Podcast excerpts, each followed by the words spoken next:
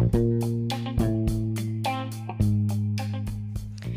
yo, halo, assalamualaikum warahmatullahi wabarakatuh. Perkenalkan, saya Siva Handia Putri yang merupakan perwakilan dari kelompok kami, yakni Ica Livia Ogianti dan Ria Wahyuni Octavia. Kami adalah mahasiswi psikologi UIR yang saat ini sedang melakukan praktek kerja lapangan. Mohon bantuannya ya teman-teman untuk mendengarkan podcast kami. Kami mengusung tema Wirausahawan yang tangguh di masa pandemi COVID-19. Di podcast pertama kami kali ini istimewa banget nih Karena kami mengundang narasumber yang merupakan seorang dosen psikologi UIR Yang juga seorang wirausahawan Ada yang tahu nggak? Hmm, bagi mahasiswa psikologi UIR sudah tidak asing lagi Karena beliau merupakan salah satu dosen yang berbakat dan tentunya cantik dong Yap, ia adalah Ibu Wina Dianasari SPSI MBA. Beliau memiliki banyak bisnis seperti di bidang makanan, jasa, dan lainnya. Bagi yang penasaran, apa aja bisa dicek dong langsung di Instagramnya yaitu @winanadia. Nah, di sini beliau bakalan berbagi pengalaman dan tips bagi teman-teman semua yang tentunya sangat bermanfaat. Penasaran kan? Baiklah langsung saja ini dia Ibu Wina Dianasari SPSI MBA.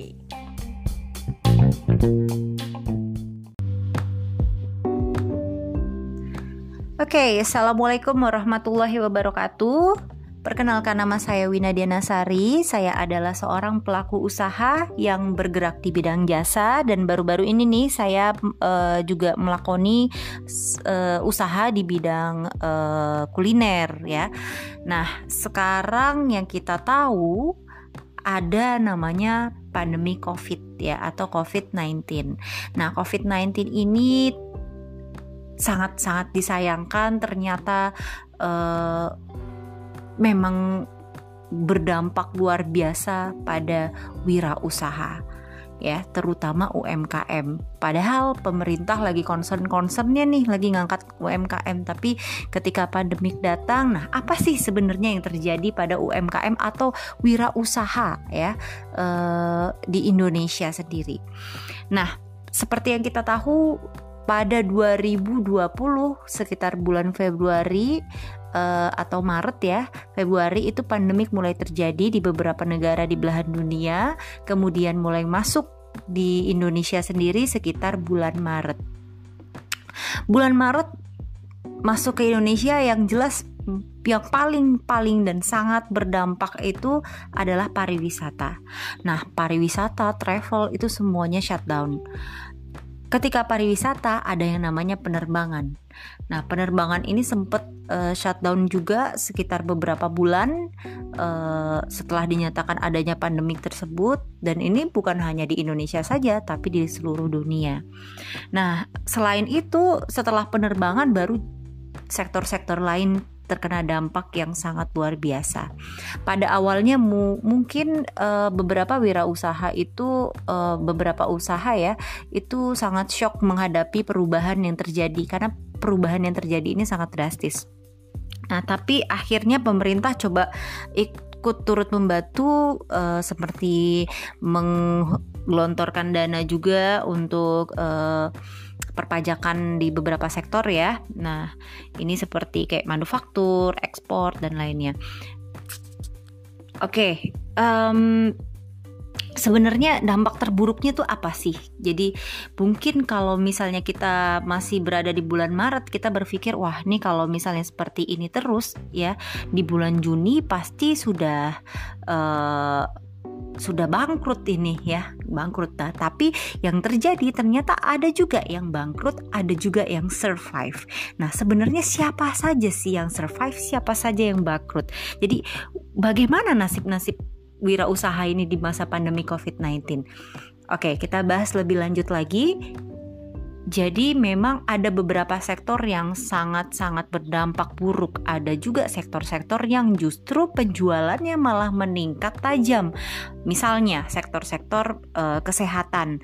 Nah, seperti kalian tahu semua, kita tahu semua uh, masker itu luar biasa mahalnya, hand sanitizer dan lain sebagainya. Selain di sektor kesehatan, juga ada beberapa sektor lain yang meningkat tajam, seperti kuliner, terus kemudian uh, kosmetik ya, kosmetik baru-baru ini. Nah, di kebutuhan rumah tangga pun juga menjadi uh, sektor yang ini ya uh, penjualannya juga sangat tinggi seperti misalnya orang jual alat-alat uh, masak perabot-perabot rumah tangga untuk home home decor itu sebenarnya mereka uh, penjualannya meningkat gitu. Nah, jadi memang itu adalah sektor-sektor yang kebetulan mensupport gitu ya, mensupport para customer ini melakukan yang pertama tadi mungkin dalam keadaan PSBB ya jam e, beberapa waktu yang lalu kita melakukan PSBB di rumah saja.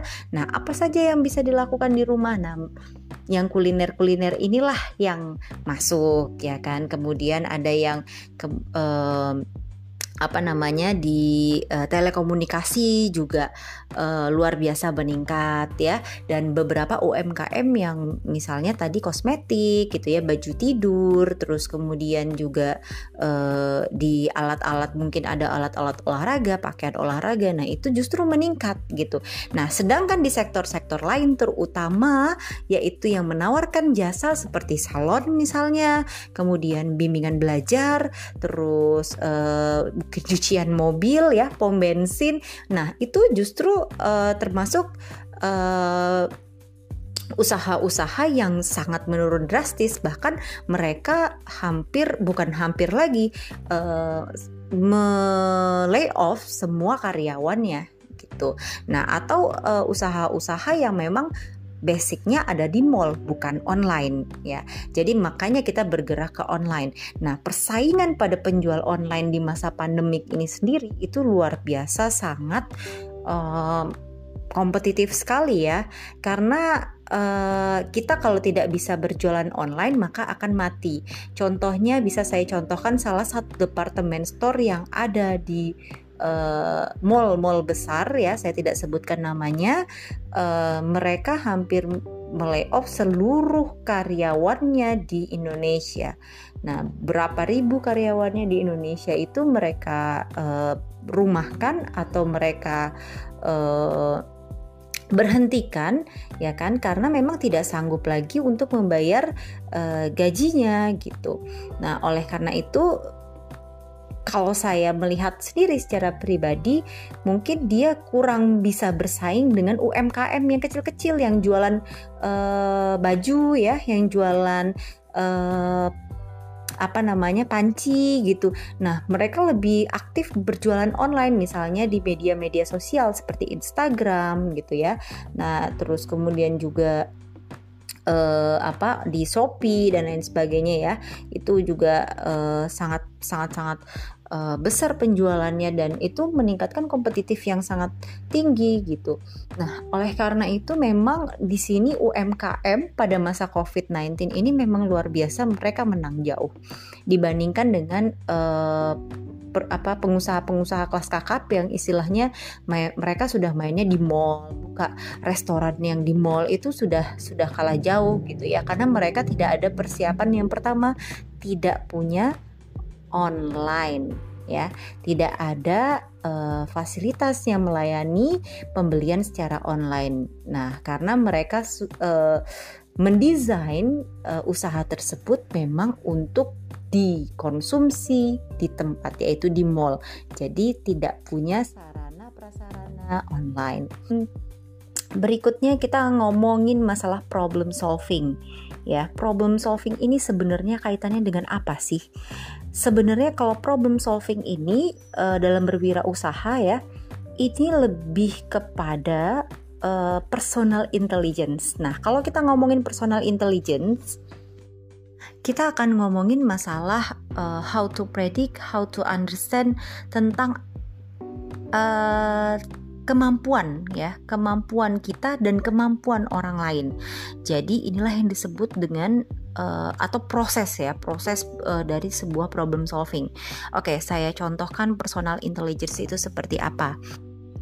Jadi lebih kepada uh, misalnya ada seseorang yang pengen sekali mereka itu mengembangkan bisnisnya ya mereka uh, bisnis kuliner dan dia bisa menebak bagaimana sih sebenarnya orang lain itu seperti apa, konsumennya dia itu seperti apa, apa keinginannya, dan kira-kira untuk ke depannya itu usaha dia bagaimana. Nah, itulah yang yang uh, apabila seseorang memiliki personal intelligence yang tinggi, maka dia itu bisa ya untuk mengkolek informasi tadi ya kan mengkolek informasi dari orang lain tadi untuk apa untuk membuat prediksi yang akurat ya yang akurat dan bagus itu untuk uh, keuntungan dia sendiri gitu ya.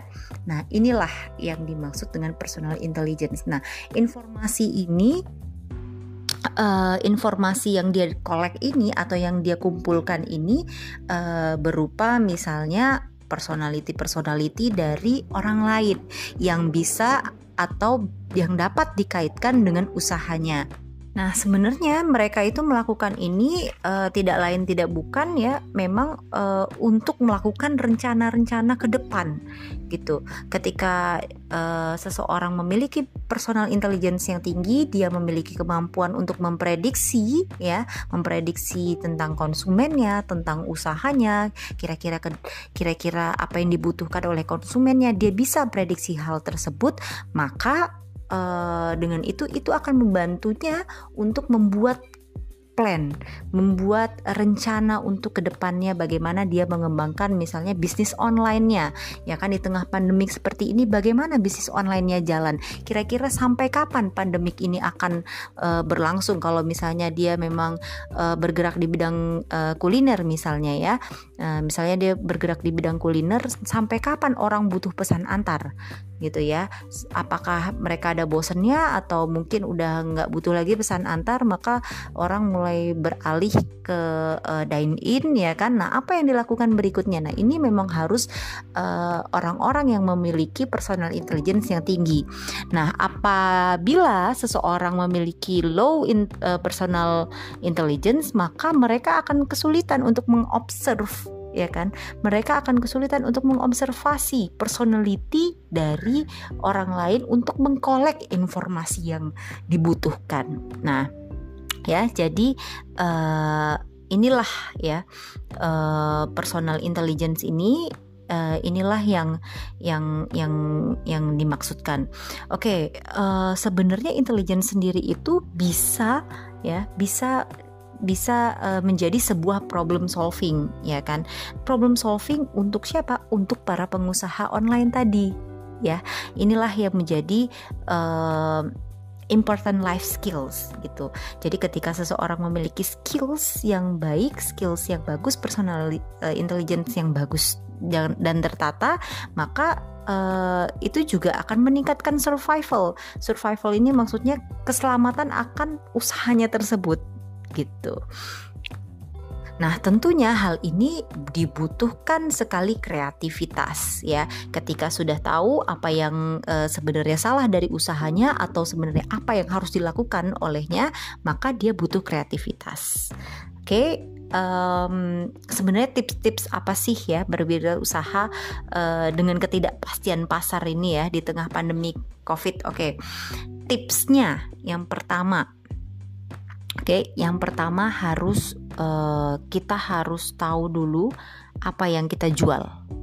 Ya, apa yang kita jual dan apa yang diinginkan oleh konsumen. Jangan sampai salah.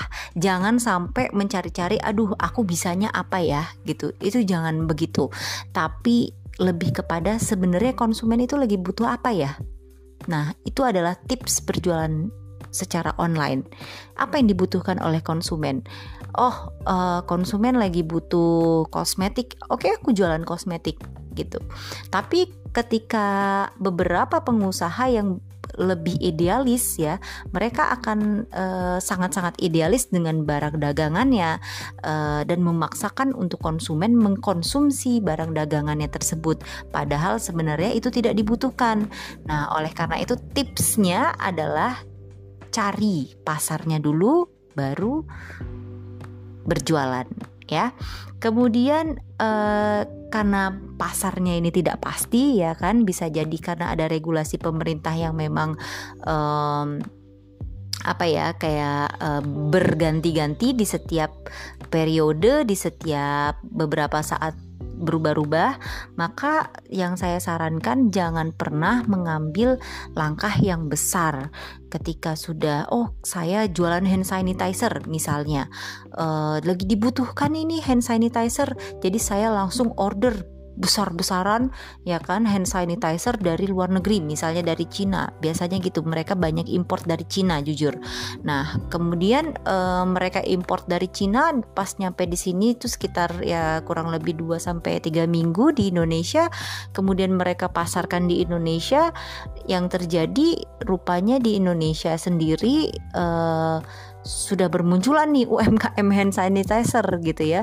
Uh, itulah yang harus diantisipasi dan akhirnya malah hand sanitizernya dia tidak laku misalnya gitu atau uh, ya banyak hal-hal yang yang yang terjadi di situ. Oke. Okay. Oke okay, baik, uh, selanjutnya juga tipsnya selain jangan mengambil keputusan yang terlalu besar atau langkah yang terlalu uh, mencolok ya uh, itu juga harus diperhatikan bagaimana keuangan kita cukup atau mencukupi untuk permodalan berwirausaha tersebut. Jangan sampai meminjam, jangan sampai kita menggelontorkan dana untuk usaha kita terlalu berlebihan. Padahal dana yang kita gunakan adalah uh, dana pinjaman bukan dana pribadi. Nah, itu jangan sampai baik usaha online maupun offline. Nah, jadi saya rasa eh, tips-tips uh, tersebut yang memang luar biasa uh, bisa berdampak hebat ya. Jangan sampai, jangan sampai dan jangan sampai.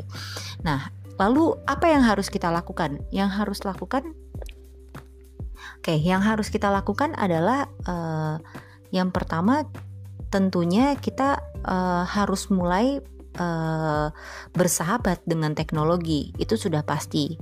Ya bersahabat dengan teknologi kita uh, jalannya pelan-pelan tapi pasti. Dan jangan terburu-buru yang seperti saya katakan tadi. Terus kemudian juga um, apa yang kita jual itu harus sesuai dengan apa yang market mau. Kemudian uh, apa tadi uh, hasil dari berjualan juga harus 100% kembali dulu ya. Maksudnya kembali ini seperti apa? Jangan digunakan untuk uh, kepentingan pribadi atau menjadi keuntungan. Karena belum untung gitu ya. Untuk keberlangsungan uh, sebuah usaha itu diperlukan uh, modal ya. Nah, jadi yang tadi mungkin kita bisa untung sampai 400% ya. Misalnya ada kita jualan hand sanitizer terus kemudian kita belinya misalnya e, berapa terus tiba-tiba kita untung 400%. Nah, 400% keuntungan tersebut belum atau bukan keuntungan karena kita pengen nih usaha kita tentunya pengen berlangsung lama gitu. Nah, itulah yang harus kita uh, taruh lagi di modal berikutnya, modal berikutnya. Nah, yang dilakukan adalah mungkin promosi besar-besaran atau apa dan lain sebagainya. Atau kita tidak bisa hanya menjual satu produk saja di tengah pandemik seperti ini. Kita harus menjual beberapa produk. Misalnya saya jual makanan, saya uh, misalnya saya jualan puding ya. Nah, eh, konsumen akan sangat bosan saya rasa kalau misalnya saya terus-terus jualan puding. Nah, mungkin saya bisa berganti dengan jualan yang lain gitu ya. Jadi kayak mencari pasar tadi gitu. Kecuali kalau misalnya saya bukan UMKM saya punya toko yang besar terus kemudian saya jualan puding di situ semua orang atau seluruh pekanbaru ini atau seluruh uh, provinsi ini tahu saya jualan itu di tempat di suatu tempat mungkin mungkin saya punya pasar yang besar it's okay ya kan? Tapi ketika saya UMKM yang berjualan secara online nah inilah yang harus diperhatikan. Konsumen tuh pasti ada bosennya. Jadi kita harus mulai berinovasi berkreat berkreasi ya. Jangan sampai kita um, malahan rugi di situ ya. Oke? Okay? um, Ya, paling itu sih ya menurut saya dan tips-tips dari saya. Semoga bermanfaat dan uh, terakhir pesan saya uh, bagi para penjual online tetap semangat, uh, tetap berkreativitas. Assalamualaikum warahmatullahi wabarakatuh. Wah, deh, Pak. Kami Samida Ibu. Terima kasih buat tips dan sarannya. Semoga bermanfaat untuk kita semua dan kita menjadi pengusaha yang sukses seperti Ibu. Toge Daya Gumawa. Sekian dan terima kasih.